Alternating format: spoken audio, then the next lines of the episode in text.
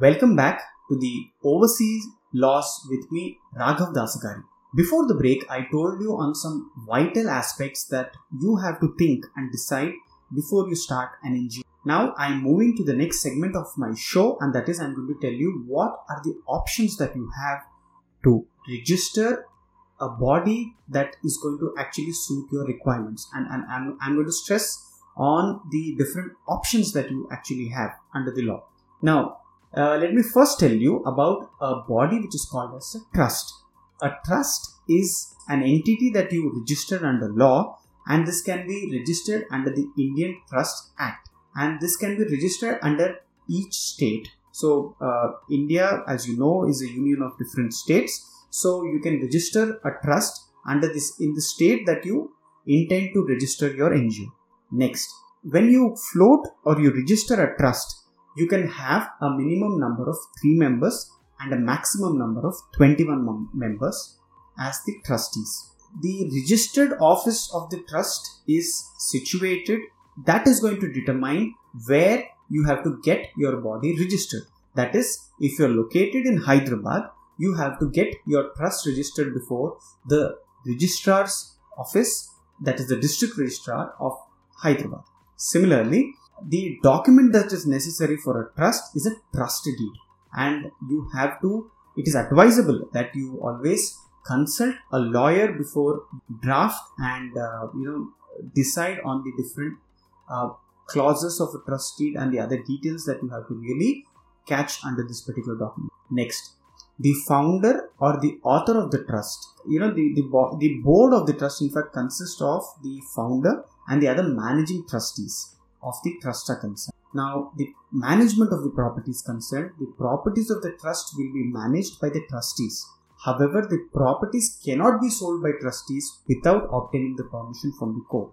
The trust is usually irrevocable in nature for reasons like disqualification of trustees, the absence of trustees, mismanagement of the trust, the trust can be merged with another trust having a similar objective with the permission of the court.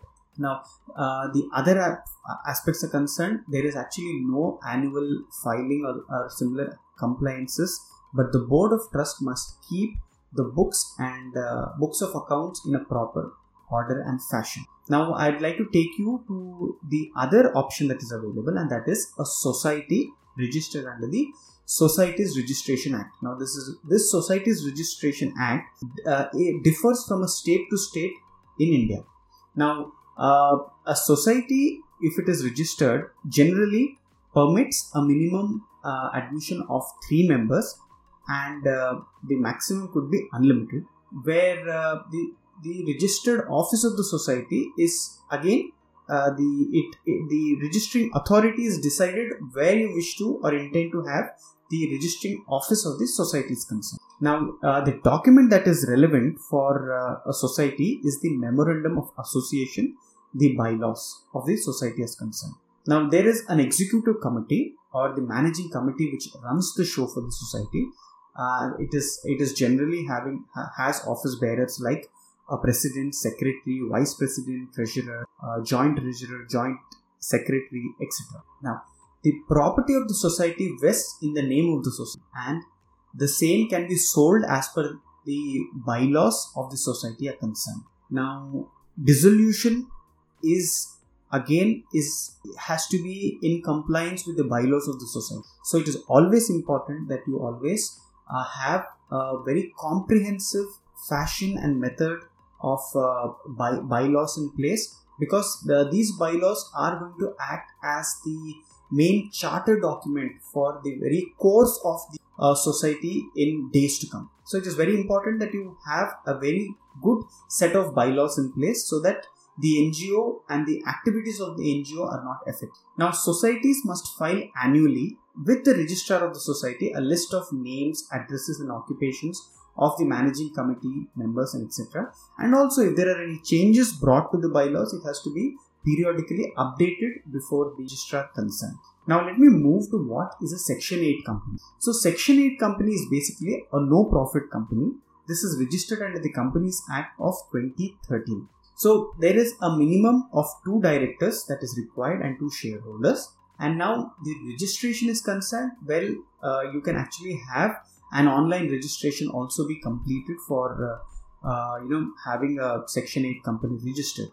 Now, the two documents that are very crucial to a company, and that is a memorandum of association and an articles of association. Now, the company is always run by the board of directors. Next, the property of the company vests in the name of the company, and the same shall be sold as per the rules mentioned in the Companies Act and also with the consent of the directors and uh, the resolution passed. Now, there is annual compliance to be maintained. You will have to file annual accounts and the returns of the company with the ROC, Registrar of Company is concerned. Now, having said that, I ba- I basically given you the different characteristics and the different uh, uh, qualifications of uh, these three bodies are concerned. Now, let me move to what are the the laws that are in place which actually affect foreign contributions activities of a non-governmental organization the foreign contribution regulation act of 2010 regulates the acceptance and the use of foreign contributions by individuals, association, and companies. It also aims to prohibit the acceptance and use of contributions for activities that are detrimental to the national interest and matters connected thereto. So please remember the FCRA predominantly regulates the activities of NGOs that receive foreign contributions, donations. Now, however, certain instances have been reported in recent years wherein violations of FCRA have been taken very seriously by the government of the day. And in fact, uh, the government has, has uh, cancelled various registrations of NGOs uh, in India. Thus, in order to bring greater transparency and to strengthen the compliance mechanism for such organizations, as recently on 29 September 2020, the Indian government notified the Foreign Contribution uh, Regulation Amendment Act of 2020 to amend certain provisions of the FCRA law is concerned. Now, I'll, i am going to quickly tell you what are the different amendments that have been brought. Transfer of foreign contributions. Earlier, the FCRA allowed persons authorized to receive foreign contributions and to also transfer such contributions or part thereof to registered persons which are in receipt of a certificate from the FCRA authorities. Or it could even transfer these contributions to unregistered persons provided the central government gave a prior approval for such transfer. However, the Amendment Act restricts the transfer of foreign contributions to any other person whether or not the transferee is registered under the FCRA or has obtained the central government's approval. While this amendment aims to ensure that the foreign funding is not diverted and will be used only for organization which has received the foreign contribution. In fact, this amendment will have severe implications for smaller NGOs which mostly depend on larger NGOs for their contributions to help them fulfill their objective. Now, the amendment has also introduced the reduced limit of administrative expenses the Amendment Act has reduced the limit for administrative expenses from 50% to 20%. That is to ensure that the funds forming part of the foreign contributions are used for the objective for which they are primarily received. The amendment might pose a challenge for larger NGOs since they have heavy administrative expenses considering the sizable workforce and the costs associated with the projects and the filing report. Government, the other the, the other amendment is the government's power to restrict foreign contribution recipients from using or receiving funds. Previously, if a person was found guilty of violating FCRA, the central government's approval was required for them to be able to use or receive unused or unreceived foreign contribution. However, the Amendment Act has given the central government the power to restrict the usage of unused foreign contributions for persons which have granted prior permission to receive such contributions if based on any information or report and after holding a summary inquiry the government believes that such person has contravened the FCRA and now there are also some other requirements such as new identification requirements to be filed that is the amendment act has introduced a change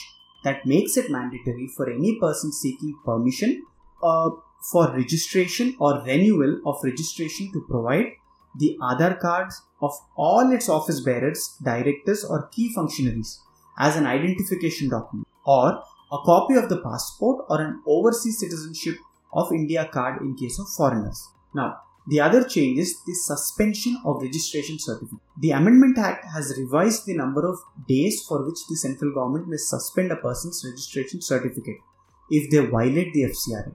The limit has been increased to a maximum of 360 days. Earlier, the cap was a maximum of 180. Next is the FCRA accounts. To streamline the flow of receiving foreign contributions and bring more transparency, the Amendment Act has introduced a new provision which provides that a foreign contributions must be received only in an account specifically designated by a bank as an FCRA account. The FCRA account must be opened with the main New Delhi branch of State Bank of India. Further, other other than the foreign contribution, no other funds should be received or deposited in this account.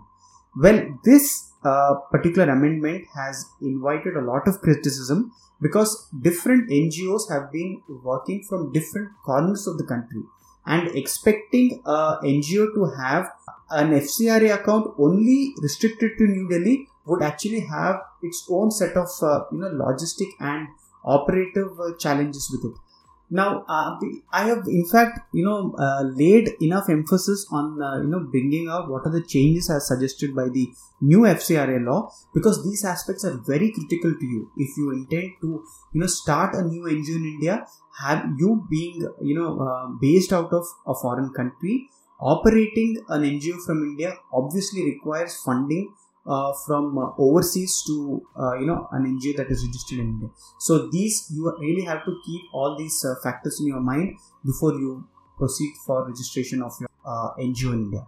So I hope this uh, topic has been useful and the information that I have provided to you will come handy to you. well, thank you for joining me. This is Raghav Dasagari on overseas laws only on Radio Nyra, Raleigh, Durham. Broadcast on three frequencies 99.9 FM HD4, 101.9 FM, and 1490 AM. If you have any questions or suggestions, you may WhatsApp me at 919-294-4800. Catch me on every Sunday evenings only on Radio Nyra, Raleigh, Durham. Until next time, stay safe.